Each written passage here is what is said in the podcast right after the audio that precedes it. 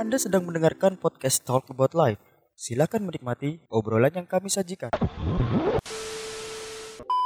Welcome back to Postal Indonesia. Au. ya boy kita nggak bisa eh berusaha heboh tapi Iya, kita oke. anak-anak biasa aja Iya, sesekali ya pola. Kayaknya wis ya boy ya boy ala ala heboh ya announcer itu ya apa sih ya, Harusnya. Boy. ya harus saling support. halo guys Ya kan Enggak, juga. enggak, enggak. Iku alay, iku alay, iku alay. Hmm. Ayo, ayo, ate lapo. Ayo, ate mengo, ate mengo. Ipan iki mesti selalu mengo. Gak jadi wes. Loh, Ini juga jadi kok. Ya, hari ini kita balik lagi bareng Postal Indonesia.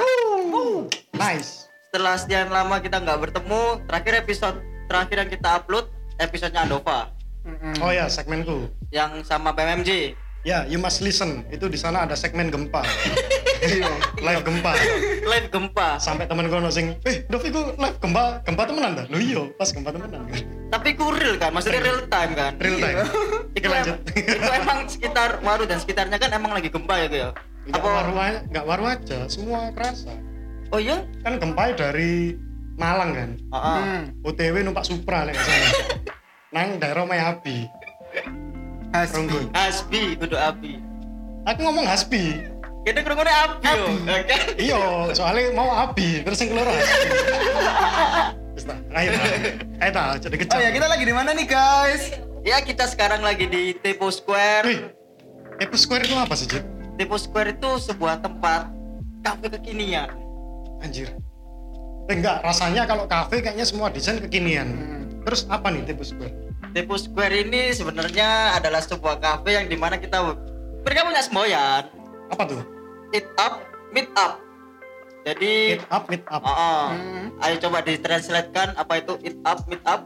Makan atas, ketemu atas. Makan atas, daging atas. Meetnya meat. meet yo meet, meet. Nah, untuk yang belum tahu, Tepo Square ini adalah tempat terbuka untuk komunitas yang menyediakan hall, ruang meeting dan dengan kapasitas 2 sampai 3 orang dan ruang meetingnya 4 sampai 6 orang dan juga 4 sampai 8 orang dan juga menyediakan co-working space, creative space, Sekut. seminar dan yang pastinya tempat podcast. ya, yang Wes. kita pakai sekarang ini. yang kita pakai sekarang ruangannya juga dibilang asik asik Asik banget sih. sangat cerah ada pencahayaannya TV, AC full, di 16 angkanya. Ya ibarat teman-teman podcaster yang baru-baru terus kepingin bikin podcast kayak Dedi gitu ya atau pingin podcast kayak tema Indonesia ngerti gak? Hmm. Atau kayak Postal Indonesia Dinar. juga bisa. Postal Boleh, Indonesia juga boleh. bisa. Nah, itu ke sini aja langsung ke Tepo Square di alamatnya di Jalan Raya Tenggilis 142 seberang Apart Metropolis. Jadi teman-teman habis nongkrong ke sini kan meet up, meet up, hook up di apartemen Metropolis. terus habis itu fuck up Seru banget. Woi kawan kita dari PMM. kita kedatangan kita tamu. kedatangan tamu Pengganggu. dengerin podcast mas-mas Jawa. Ini kita lagi disabotase sama podcast PMMC. Ini kita teman-teman kita. disabotase sama podcast PMMJ dan ini juga ada ada teman-teman dari Tepo Square ada Mbak Ocha dan juga Mas Dita Mas di Dita. dan juga ada ada teman-teman dari Berasa. Podcast Wih, rame banget. rame banget dari ini lanjuti dong yang, yang tadi alamatnya di mana tadi Tepo Square Jalan Raya Tenggilis 142 seberang apart Metropolis. Ini tempatnya strategis banget. Kalau tahu strategis ya. hmm, kalau tahu Ubaya dekat Ubaya, Mhm. terus dekat Menyeng juga. Jadi kalian Menyeng. juga di sini bisa enak sih. Tepos itu kayak singkat eh bukan sing- singkatan ya. Apa? Kependekan seneng dari Ivan kalau kalimat ayo ayo ayo ayo Tenggilis Town Square. punya dari mana? Teto harusnya. Tenggilis enggak Tenggilis apa ya? Tenggilis apa? Public public organization.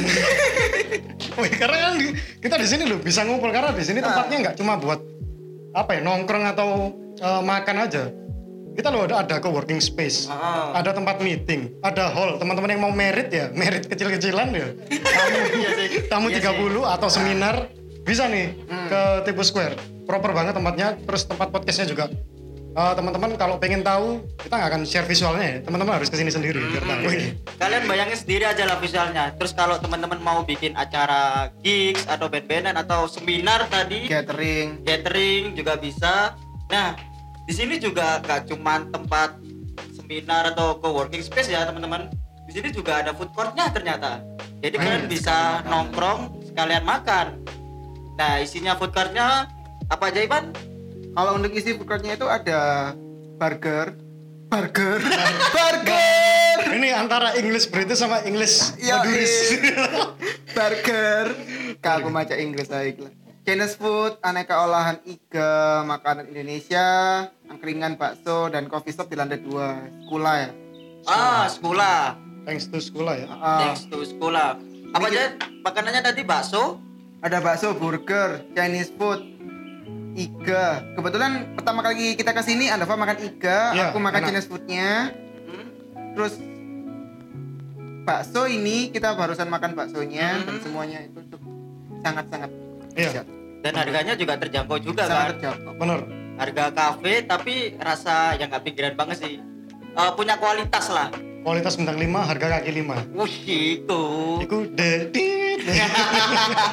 Ojo, ojo, ojo. Tidak boleh. Terus apa lagi informasi yang harus kita jelaskan ke teman-teman nih soal Tepo Square nih? IG Ada apa sih. aja lagi? Oh IG. Ah, jadi Sosmednya dong, kalau apa, mau lihat Sosmednya Tepo Square ada di @teposquare underscore. Mungkin kalian bisa cek teman-teman pendengar kita Mhm. atau pendengar podcast-podcast yang lain bisa langsung cek aja. Kalian bisa reservasi di sini, bisa booking buat ya mungkin buat nginep satu malam.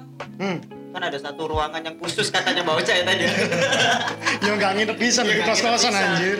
aduh Terus eh ada beberapa menu-menu juga yang mungkin cocok buat kalian. Jadi langsung aja datang ke Tepo Square. Tepo Square. Di alamatnya di Jalan Raya Tenggelis 142 seberang apartemen Metropolis. Ngeri. Ngeri ngeri. Kayak oh ya podcast podcast gede sih Iya. sponsor. Ada sponsor. Thank you Tipe Square ya. Tepo Square thank you dan pastinya Tepo Square juga gak cuman tempat nongkrong untuk anak-anak muda ya. Hmm. pastinya buat kalian yang para pekerja atau yang mau ngajak nenek kakeknya Nah, mungkin berbagai generasi. berbagai istilahnya. generasi Asik. bisa masuk di sini tapi kalau ngomong generasi ya kan pasti mungkin dari tahun berapa tahun Nah, pertengahan it- 2000 lah Ipan, biasanya like, wis nah ini iki masuk nang tema biasanya. iya nah, oh iya iya masuk nang tema iki biasanya. itu bridging kita Bridgingnya. bridging kita Nah. khasnya Khasnya kita. Eh, jadi kalau kalian pernah dengar masalah segregasi milen eh segregasi milenial. Segregasi generasi. Ya apa sih segregasi generasi?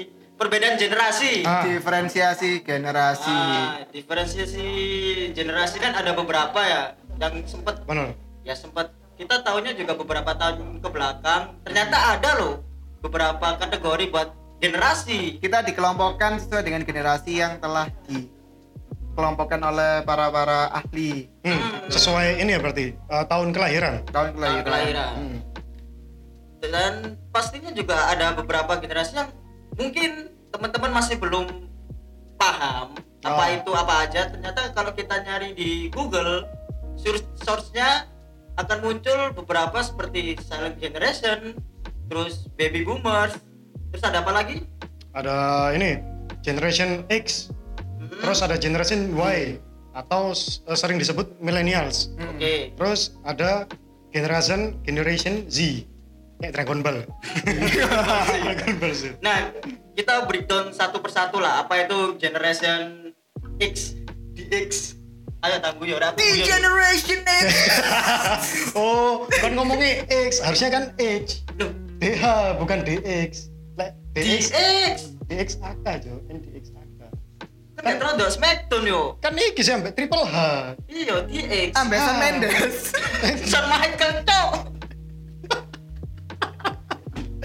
Jadi mungkin teman-teman yang nggak mengenal dunia Smackdown mungkin bingung ya sama oh, Shawn Mendes, eh Shawn Michael, terus Triple H itu siapa gitu kan? kan itu masuk eh, hiburannya generasi milenial ya Hmm, sih?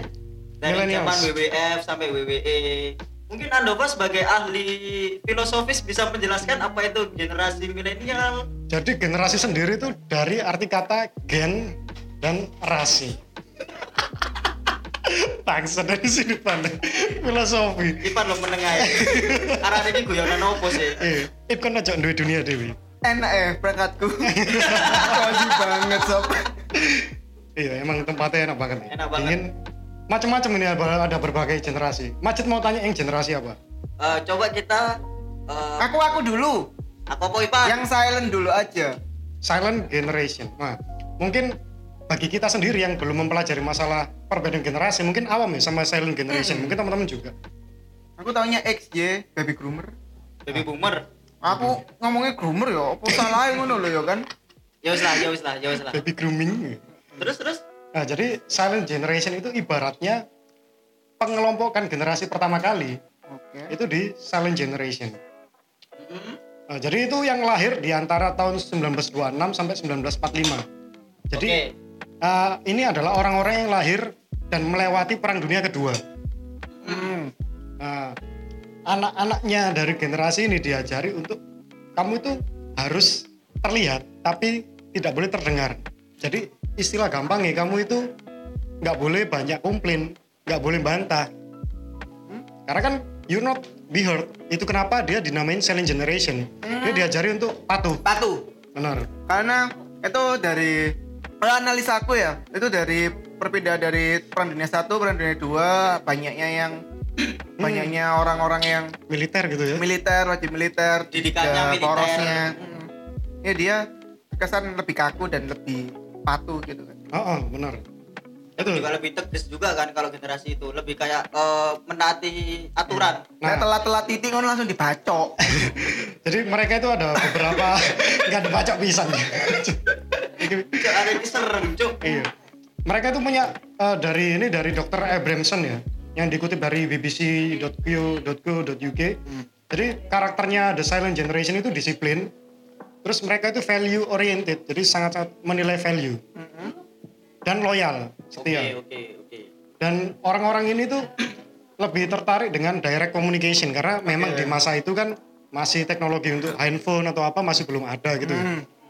Jadi lebih interested in direct communication daripada kayak letters mungkin. Tapi biasanya generasi itu berarti generasi yang masih eh, konservatif banget paling ya. Hmm, bisa Mas- dibilang masih gitu. sangat konservatif dan dia sangat biasanya juga bisa dibilang gak update tentang dunia modern. Bisa Oh dibilang ya, gitu. karena memang zaman zamannya itu masih belum ada revolusi. Iya. Masih belum Ah. revolusi industri Hmm. waktu itu karena mereka emang masih sangat konservatif dan semua halnya itu sangat vintage dan klasik. Iya. Perang dunia kedua itu kan pertama kan sama yang kedua kan ngirimnya juga dari merpati, anjing pengantar. Oh iya. Hmm, iya. Oh Terus iya. kekalahan dari Jepang pun juga dia nggak kalah teknologi kan sampai di satu sama Amerika akhirnya Jepang kalah. Ya, Itu kan emang kekurangan dari pada masa kelahiran itu. tahun itu kan. Terus ada lagi itu tadi gen- silent generation. Iya. Silent generation. Itu pertanyaanku loh. Pertanyaanmu. Ah. Tadi udah terjawab. Oh, Kalau baby boomer, baby boomer. Nah, jadi terusannya dari silent generation itu ke baby boomers. oke. Apa itu baby boomer? Ah, baby boomers ini yang pertama kali diresmikan sama eh, Badan Biro Sensusnya US yang official dia menyebut bahwa orang-orang kelahiran tahun 1946 sampai 64 adalah julukannya baby boomers. Oke. Officialnya disebut seperti itu. Nah, orang-orang kayak gini karakternya kata Dr. Abramson itu orangnya itu berkomitmen, committed, terus self sufficient, orangnya mandiri, uh, bersuasembada gitu ya, dan berkompetitif. Ya. Itu karakter-karakter baby boomers. Itu ibaratnya mungkin mungkin ini tahun-tahun 1946, Perang dingin. 1964, heeh. di zaman mungkin orang tua kita ada yang kelahiran di segitu atau di setelah 64 gitu ya. Di antara itu kan orang tua kita lahirnya. Ya kan tahu sendiri kalau misal tetangga beli apa gitu nggak mau kalah. Oh, Kan ada iya, nih. iya, iya. Kompetitif. Ah, kompetitif. Oh. Iya. Kalau anaknya anak tetangga kerja PNS, si anaknya harus lebih tinggi. Apa berarti lebih, lebih tinggi dari PNS? Presiden. PSN. Pakaian seragam nasional. Ando kok tumben bapak Ada yang teller di sini? Yeay, CS. Ando kok tumben gue nanti bapak-bapak. Ayolah. kan soalnya gak gak iki, gak melok PNS sih. Foto sih aku bisa. Nah setelah itu kan habis baby boomer pasti juga ada generasi selanjutnya kan. hmm. Ya, generasi selanjutnya ini mungkin Ipan lebih paham ya. Namanya generasi apa ya? Kalau Setelah Iya. untuk generasinya adalah generasi X. Oke, X. generasi X, Generation X. favorit cowok-cowok ya yang Ah. X sih. triple X dot com. Apa itu Ipan? Ha. Generasi X. Jadi kalau untuk Generation X itu adalah generasi yang lahir di tahun sekitar 1966 sampai 1980.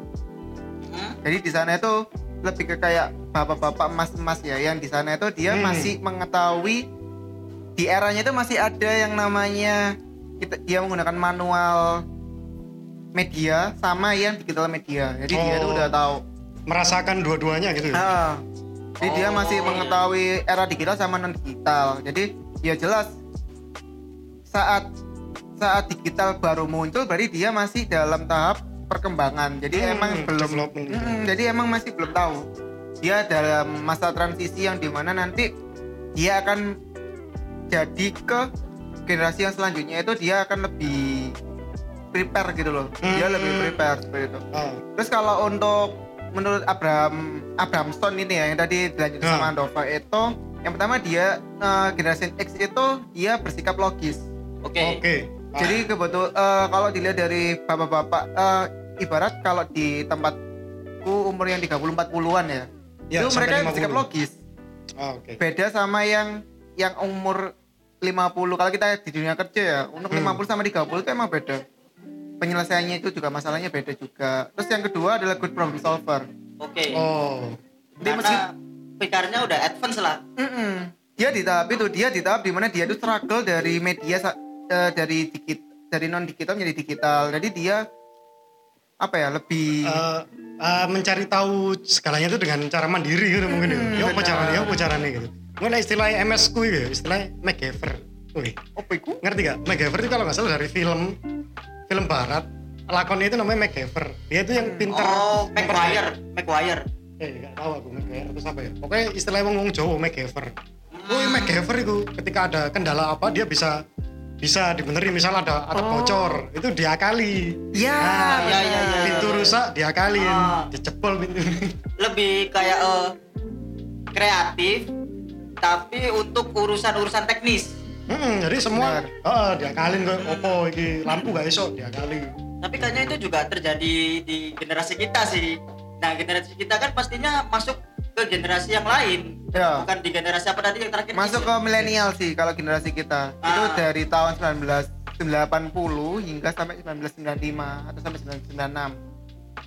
Jadi kalau Dr. Bramson itu lebih kayak ke membuat skala batasan itu jadi dua sih. Jadi untuk dari X sama ke Y, untuk yang Y itu yang lebih mudah. Hmm. Ini termasuk kita ya. Hmm. Karena kebetulan kita di 95 sama 96.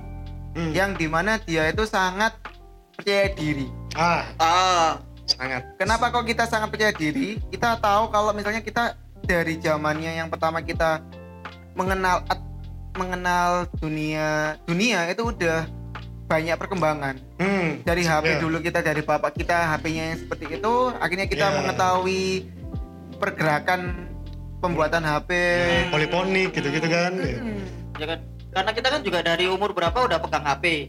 Entah Hmm. itu Nokia ataupun layar kuning yang poliponik Hmm. itu sampai sekarang kita udah masuk ke era digital yang semacam Apple. Iya. Apple Ah, terus Android, Masuk iOS. masuk dunia smartphone ya. Nah, Nah. smartphone. Kalau kita kan dulu masih dunia yang ya HP mungkin buat apa sih? Ya kayak Siemens gitu-gitu ya. Ah. Harga satu kartu perdana itu sampai Benar. jutaan. Nah, Nah, Bisa sampai jutaan. Itu mari kita mari ya mengawali itu ya merasakan. iya. itu generasi Merasakan, kita. Generasi kita. Jadi Pak mungkin bisa dibilang generasi kita itu adalah generasi awal yang jadi patokan dunia modern. mm-mm. Iya, mungkin revolusi-revolusi teknologi itu mungkin terjadi di eranya kita ini ya, paling Benar. signifikan. Tapi Win- Windows dulu kan kalau dulu kan pakai yang ini loh yang warna hijau itu loh. Kalau komputer kan kalau sekarang kalau kita masuk kan udah ada Windows kan kalau dulu kan Hmm. kayak program-program coding kayak gitu. Itu sih. Oh iya aku lapar guys. Woi. Ini kita kan tadi dikasih makan ya. oh iya, Ya ampun. silakan dimakan dulu Ivan Andova. Eh, Silakan dinikmati hidangannya sambil kita ngobrol. ah, jadi kita lagi ini ya, di depan kita ada bakso atau bakwan sama iga, iga sup Iya iga. keren. Nah, kalau dari baksonya atau bakwannya sendiri tuh apa itu? Punyanya siapa itu? Kalau ini kalau dari Iga ya, kalau dari kan mak- eh, Bakso, ngomong bakso kok iga. Soko Aku Iga. ngomong bakso. Nek ngarepku itu Pak, bi iga, guys. Terus kenapa aku udah dikai bakso? Babi iga yuk. Kalau untuk iga ini yang pertama As- Astaga Iga. Astaga iga itu nama Astaga Iga. nama store-nya. Astaga Iga gitu. Nah, untuk Astaga Iga itu dia itu menjual segala olahan iga. Jadi menunya itu ada iga bakar, sup iga, iga rempah, iga penyet, dan proporsinya itu cuma 35.000 ribu. Nah, kan kamu betul. juga pernah pertama kali kan beli ini kan? First time aku ke Tepo aku Ah. langsung nyobain iga iga penyet dan itu enak banget. Sambelnya pakai sambal bawang. Eh apa ya? Kalau untuk ukuran range harga segitu, iganya gede banget. Karena aku makan di Jakarta iga harga 40 45 itu kayak se- seupil, tapi upilnya gajah mungkin. Upilku kecil-kecilin ya. Tapi aku belum pernah nyoba sih. Oleh tak aku nyoba, Pan. Maksudnya Enak-enak banget ya. Soalnya biasanya nek arek rekomen enak, oh berarti enak banget ya, Pak. Rekomen karena iga itu enak Pak. yang paling sulit ngolahnya adalah tingkat kematangan dengan tingkat tekstur empuknya. Dan dia well done. Jujur ya. Well done, asik. Coba ya, aku nyoba ya. Nah, ayo yuk. Kita sambil kita take sambil makan. Thanks to Astaga Iga. Yang ngomongnya nggak usah pakai kaget. Astaga. Di sini juga ada bumbu-bumbu kacang ya. Hmm. Tapi kacangnya kacang utuh. Ini kacang emang ada kacangnya bangsat. Gak emang ini bumbu kacang, pikir pentol. Coba, coba, coba, coba. Hmm. Coba cabenya, Jut. Ayo, coba, Jut. Enggak. Kangelan, Jut. Kangelnya. Hmm. Hmm. Cabenya aja fresh. Enggak, sih. Kematangan apa cabenya? Enggak, tapi serius ya. Ini kalau untuk bahas masalah tekstur daging itu dagingnya emang ah, pas. enak. Aku nggak perlu untuk selilit-selilit karena Apa selilit-selilit itu? Sing teko mburi ngono biasa. atos. Ya, Pak, ya, Pan? Tekon dia mau. Rasa, Ah, rasa. tekstur, tekstur tekstur dagingnya itu apa ya? Pas sih menurutku. Jadi kayak aku nggak perlu untuk menggigit dengan kuat. Kita pakai apa namanya? Kita pakai sendok aja dia udah bisa Ah, itu. pecah gitu loh. Bener. Kayak langsung di gitu naik langsung lepas tulang tapi dia nggak ngilangin tekstur giga yang ada cuy-cuinya itu. Iya benar. Gila. Dan kalian- viewer bangsa. keren keren. Enggak, dan kalian juga bisa menikmati asaga ini cuma hanya ada di Tepo. Jadi dia nggak buka cabang. Oh, Ah, ah, Ah, jadi kalau kita mau pesen atau mau tanya-tanya menu-menunya apa itu bisa kontak ke mana itu? Bisa, bisa langsung ke Instagramnya yaitu Asta Astaga Iga gitu. Bisa ke Astaga Iga. Nah, nanti kalian juga bisa dine in dan take away sih. Oh. Ah, bisa baik Gojek dan Grab. Jadi nanti eh, bagi para teman-teman atau pendengar-pendengar kita yang deket-deket sini atau yang radiusnya yang bisa sampai coba langsung aja pesan Iga di Gojek atau atau Grab. datang langsung ke Tepo Square. Tipe square. Atau bisa langsung ke Grab. BTW baru kali kayak gini podcast, Hmm. tapi akeh sponsori. Ngeri? Ngeri? Kok ngeri banget. Aku- Biasanya kini ngobrol iya. itu biasa, biasanya ki ono wah kita harus dituntut promosi. Baru kali kayak gini dituntut promosi, makanya koyo wah akhirnya yo. Hmm. Akhirnya kita bisa makan dan kita bisa podcast dengan Dengan kenyang. perut kenyang. Dengan perut kenyang. Biasanya kan kita ngerokok, tapi akhirnya kita sekarang makan. Ada. Tapi ya terima kasih buat Tepo Square. Ah. Semoga kafenya tetap rame dan juga sering-sering lah ngasih kita makan. Terutama Astaga Iga. Astaga Ika mantep. Kalau bisa lagi. sih Iga Iga selanjutnya. tiap kita podcast di endorse sih. Kalau bisa. Hmm. Nah, ini yang nggak kalah enak makananku, Jit. Di makananku ini, makanan yang masyarakat umum itu pasti tahu. Apa apa apa. apa. Baksoan. Masih ngomong mau. Apa itu baksoan? Bakso apa? Wan. baksoan. Apa itu baksoan lu? Baksoan adalah bakso dan bakwan. Oh, bakso dan bakwan. Oh, singkatan. Baksoan keraton. itu Nah. itu. Jadi ini namanya baksoan keraton yang berdarah biru yang boleh menikmati ini. Zaman dulu, zaman bambaku itu yang boleh makan hanya orang-orang petinggi dan tumenggung-tumenggungnya. Oh iya sih. Kalau masyarakat umum makan gabah gitu. Kok segregasi sosial gitu. Nah, kalau sekarang di Tepo Square, khusus di Tepo Square ini, itu masyarakat umum bisa makan ini. Nggak harus berdarah biru, nggak perlu tes sama rapid atau swab nggak perlu. Jadi teman-teman bisa makan ini. Yang dijual itu apa aja? Dia jual bakso dan bakwan. Itu kenapa namanya baksoan. Baksonya sama bakwan bisa dipisah. Bisa. Kalau gabung baksoan. Kalau bakwannya dua, wan-wan. Wan wan, itu kayak karakter ya, karakter komik. Mobile Legend. Mobile Legend. Kok komik? Seperti biasa Aku teman-teman. boleh ngincip kan? Ah, silakan silakan. Ah, Coba itu- coba. Itu uniknya di baksoan itu. Dia ada bakso kasar. Wih. Ada bakso halus, ada somai, dan yang signature lagi apa yuk? Paru. Nah, dia juga ada jeroan. Jadi teman-teman Oh, ini pecinta ya? jeroan, nah itu bisa makan paru, usus 12 jari, usus buntu, empedu. Tinggal request semua ready di baksoan keraton. Dan Jadi- saya- apa ya apa ya apa terus ini? Ini eksklusif cuma di Tepo Square Hmm. dan ini bisa take away. Wah, mantep ya kalau buat yang kalian takut keluar rumah. Hmm, mungkin lagi pandem- pandemi gini kan. Hmm, meskipun pandemi udah bisa dibilang ya opposnya New pandemi. normal, Pandemi, pandemi. Opo, Ip, kok kamu marah? Kamu kok marah? Kok marah? Kamu panitia vaksin. iya. Kok kamu marah? Dan pastinya kita ulangin lagi di sini nggak cuman kaum kaum milenial aja yang bisa dateng, nggak Iya. cuman anak-anak muda atau orang pacaran atau nongkrong, kan juga bisa ajak keluarga di sini. Hmm. Keluarga kalian keluarga besar nggak apa, di Ramayana aja di sini. Karena banyak pilihan makanan juga. Dan jujur di sebelah kita itu ada Ini ada meeting. Eh, ada meeting. Ah, Dari benar. perusahaan apa gitu ya? Iya. Pelindung mungkin. Dan mereka orang-orang baby boomer semua. Hmm. Dan kita milenial kita bangga kan pas kan kita lagi podcastan terus orang-orang baby boomernya mereka sedang meeting bahas perusahaannya. Nah kita balik lagi di tadi masalah baby boomer dan Milenial. generation generation X atau yang lain. Kita udah kenyang soalnya. Bangsat. Thanks to Baksoan Keraton dan Astaga Iga. Jadi kita ada bensin lagi untuk bahas Nah. yang paling ini ya, ibaratnya yang sekarang lagi viral-viralnya nih. Hmm. Generation Z. Gimana? Eh, gimana, Cid? Kamu kan lebih paham masalah Generation Z. Berarti Masyarakat kita yang baru-baru nih. Ah. Sekarang kerucu-kerucu. Eh, Kerucu-kerucu. Generasi- metu anu we. Sing sing gawe mini set.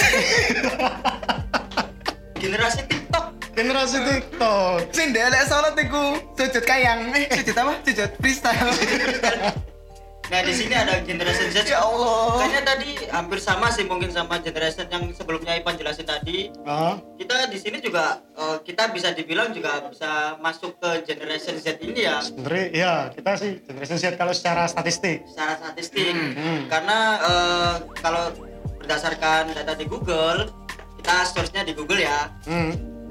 Nah, eh, dari Kanada mengatakan pada tahun 1993 resolusinya itu didirikan pada tahun 2000 2000-an. Jadi Hmm. sekitar 2000-an istilah ini keluar. Nah, itu eh, ada beberapa karakteristiknya seperti ambisius, terus mereka sangat digital native. Ah, Digital native itu mereka sangat eh, Ini. sangat melek digital lah. ah itu ibaratnya bang, eh, ini kita melek kita lahir Hmm. dengan Langsung ono digital. ah, ngono pribumi ya. digital ibaratnya Pribumi gitu. digital. Dan yang pastinya generasi ini juga sangat percaya diri. Nah, Bahkan bisa dibilang overconfident. bisa. bisa dibilang kan kebanyakan orang kan kalau di generasi sekarang ya mereka udah berani joget-joget TikTok. Iya, Padahal kalau zaman kita dulu di awal 2000-an ya pas ketika kita Hmm. kecil kita masih terbilang malu-malu buat show off di depan kamera. Yo. Ya budaya Kalau- lalu itu masih Nah, kita masih punya alah lapo sih ini. Kalau sekarang kan mereka udah wah pokoknya show off pasti viral dan yang pasti di generasi ini banyak sekali konten kreator. Nah, konten-konten kreator semacam ya yang kita tahu di YouTube, Hmm. mereka juga kebanyakan lahirnya di generasi ini. Karena mereka lahir melek langsung tahu ini kan Melek digital. langsung Oke bodoh gawe akun gitu.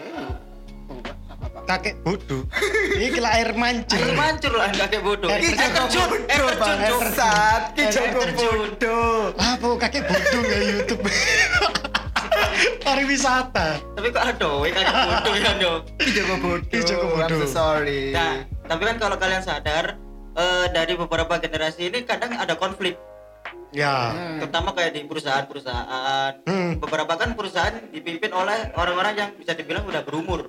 Ya. yang udah tua dan Ya. mereka biasanya yang nggak tahu sih di beberapa perusahaan mereka kayak menolak inovasi dari eh, pegawai-pegawainya yang baru yang muda-muda. Hmm. Contohnya misalnya isi pegawai mudanya, Pak, saya punya inovasi buat acara kayak apa-apa, sedangkan si bosnya ini yang bisa dibilang berumur atau generasi baby boomer, Oh, mereka merasa skeptis gitu ya. Nah. apa nih? Wis gak usah "Nah, sih biasanya usah, gitu. biasanya karena mereka disiplin disiplin dan komitmen tadi sedangkan kalau di uh, perusahaan kebanyakan mereka menjaring pekerja yang berumur 19 sampai 25 tahun yang di mana itu masih usia muda dan generasi milenial Hmm. yang otaknya masih fresh dan Hmm. mereka punya ide-ide kreatif yang sebenarnya bisa dituangkan ke perusahaan cuman perusahaan kadang menolak kayak Ya. gitu bukan macam-macam lebih sih. ke menolak sih tapi lebih ke kayak eh ya nggak bisa takutnya nanti itu adalah high high risk high return ya Mm. jadi kadang-kadang perusahaan pun juga melihat bahwa ini dia udah cukup untuk memenuhi kebutuhan perusahaannya terus kemudian kenapa kita harus berinovasi Ah. padahal seharusnya inovasi itu juga penting dalam sebuah perusahaan nah Iya. Tapi ada konflik juga di apa ya? Ibaratnya karakternya mereka ini confident. mm. Tapi ada satu lagi yang merupakan apa? ya, Suatu titik balik. Harusnya kan orang yang percaya diri itu mentalnya kuat ya. Nah itu kenapa di Gen Z ini dia tuh mentalnya terkenal mental lemah. Mm. Dia tuh nggak suka menghadapi uh, apa ya? Ibaratnya something yang difficult uh, sulit untuk dihadapi. Dia memilih untuk ah pekerjaan misal. Aku nggak cocok kayaknya kerja di sini. Iya. Cabut ah. dia langsung pakai shortcut shortcut Nah, shortcut Nah, shortcut dan dia merasa Loh, kenapa kamu nggak fight dulu di perusahaan ini? Hmm. Kamu nggak nyoba dulu. Dia ngerasa, wah, aku nggak esok kok gini gini gini. Nggak cocok aku sama orang-orang ini. Cabut ah, cabut ah. Terus ketika dikasih tahu, ini harusnya gini gini gini gini, mereka pasti nentang. Mm. Nah, kalau aku pernah sharing sama salah satu pejabat tinggi perusahaanku, beliau itu bilang kalau itu kenapa aku sulit untuk ngadepi anak-anak yang zaman sekarang, rekrutmen baru. Di mulai tahun 2015-an mungkin, rekrutmen tahun 2015-an. Aku sulit karena apa? Anak-anak ini dikerasin, mereka gondok. yo Dikerasin mereka gondok, dikalemin mereka ngelunjak. Oh iya iya iya iya. manja gitu nah itu yang uh, bosku itu bilang aku juga masih mencari cara karena dia juga sadar gap generasi itu tadi mungkin dia lahir di generasi generasi X kalau enggak di ya 30 kok 30, baby 40. boomers nah itu dia bilang bahwa pendekatan paling pas untuk generasi Z atau yang generasi yang paling baru gitu ya itu adalah pendekatan dengan cara komunikasi. Oh. mereka ada kebutuhan aktualisasi diri. Mereka ada kebutuhan untuk diakui. Nah yang zaman dulu ketika kamu salah itu kamu langsung dimarahin dan kamu nurut. Kalau zaman sekarang kamu salah kamu diajak ngobrol kamu diapresiasi dimotivasi dan dikasih tahu salahmu gimana. Benar benar itu benar. yang bikin mereka mendevelop mereka daripada langsung dikonfrontasi dengan wah kon nggak iso kon kau lagi ini goblok kon ini gak kerja Benar. mereka bisa kasar lah itu kan. nggak bisa. Mereka pasti mental lu apa maksudnya? Kon ngilong-ngilong aku apa dasarnya? Pasti ada pikiran kritis benar, kayak gitu. benar, benar. ya itu yang kita dari tim manajemen dulu. Bosku pernah ngomong masalah itu. Dan juga throwback lagi kalau generasi sekarang kebanyakan kalau nggak nyaman sama suatu pekerjaan pasti ngomongnya ah duduk passionku. Ah. Nah, dia menyalakan passion menyalakan gitu. passion padahal kalau orang dulu zaman dahulu sih ya yang penting bisa kerja dulu masalah passion menyusul cuma Benar. sekarang ah aku passionku gak nang dunia ini iya meskipun emang benar kalau kita harus ya nggak harus stuck di satu pekerjaan cuma minimal punyalah pekerjaan tetap dulu Hmm. nah kalau udah punya modal baru jalanin passion itu bijak nah bijak. kayak Oh. kita gini kan kita kerja. Lebih Ya. ke masjid aja sih. Kok iso nang aku mah soalnya kan kamu punya passion yang sangat tinggi terus kemudian kamu kerja sekaligus kamu mencari Ah. tempat-tempat lamaran untuk menjadi seorang. Apa ya, sekarang ya, apa? bisa mengaktualisasi dan Oh, passionnya itu tadi. passionmu tadi kan iya sih. Penyiar penyiar. Terus anggap aja dia penyiar. Passionmu penyiar kan? Apa penyair? Cakep. Passion musisi ya seniman. Ya apa? Iso. Iso Terus? demo akeh. Demo titik gak iso. Nah memang eh, kalau bikin kayak konten prank gak Atta Lilintar ojo lah kan jadi gembel cok aku cok jadi gembel cok mending jadi joker aja cok oh apa jadi yoi kuai si Ark enggak pernah siapa Sunda Sunda Sunda Empire. Rangga Rangga. Rangga. Pak Rangga tuh kritis cerdas dan beliau juga bisa mendapatkan banyak undangan Punya panggung akhirnya. punya panggung dia Yang akhirnya dia pernah di penjara, sekarang punya panggung. Oh iya, saya udah keluar kan dia. Hmm. udah Yes, mana aku tak kayak waru empire ya. Ya apa? Keren kan Jo? sip Kayak waru empire terus kayak postal empire. Wah, anjir, keren keren keren keren. Postal Foundation. Wih. Mungkin kita juga eh, sebelum kita nyelesain episode kali ini kita punya masukan mungkin ya buat teman-teman milenial Hmm. biar nggak Gen, tergerus Gen Z, Gen Z. biar nggak tergerus masalah passion dan lain-lain kalau dari aku sih yang penting just golek duit sih masalah passion itu sambil jalan dan kan nggak iso sih kayak passion passion terus terus kan nggak duit pemasukan tetap ya kan nanti mangan opo Masuk. Sih ada apa Iya, kalau pesanku ya buat teman-teman yang generasi milenial atau Gen Z yang ngerasa bahwa aku bingung di antara harus mengikuti passion atau harus being realistis gitu kan. Antara uh, whether idealis atau realistis. Hmm. Nah, kalau saranku, kamu memang boleh idealis. Tapi kamu juga harus realistis. Jadi ada toleransi di antara itu. Warna itu nggak harus hitam, nggak harus putih. Ada abu-abu. wah ada pelangi Ada pelangi di antara itu semua. ada pelangi Ah, tapi kamu nggak harus memilih untuk menekankan ke idealis, nggak harus di realistis.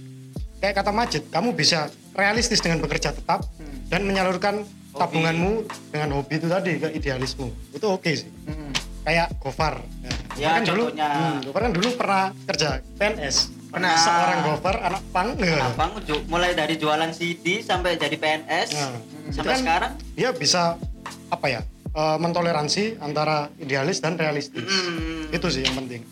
Oke. kalau dari Ipan Kalau dari aku ya, ini cuma pesan buat kalian yang emang ngerasa bahwa kita sebagai orang-orang generasi X menekan Y, eh Z ya, Hmm. kita menekan yang Z itu sebenarnya enggak. Jadi emang kita punya maksud untuk mendidik kalian, karena emang kalau untuk salahnya kita, eh, kalau emang advice-advice kita itu advice-advice kami tidak bisa mempengaruhi kal eh, tidak bisa diterima oleh kalian, minimal kalian harus bersikap bisa menerima bersikap apa ya kayak bersikap Ibaratnya dengerin dulu lah, Hmm, walaupun dengerin kamu dulu mau aja. nerima atau enggak, ya wis dengerin aja. Gitu. benar karena apa karena dari aku pribadi loh waktu aku memberikan informasi-informasi yang emang itu harus dibutuhkan sama anak-anak zaman SMA sekarang ya Hmm. lebih ke SMA SMA sekarang karena aku kan juga pernah mengikuti kegiatan-kegiatan di kelas SMA ya.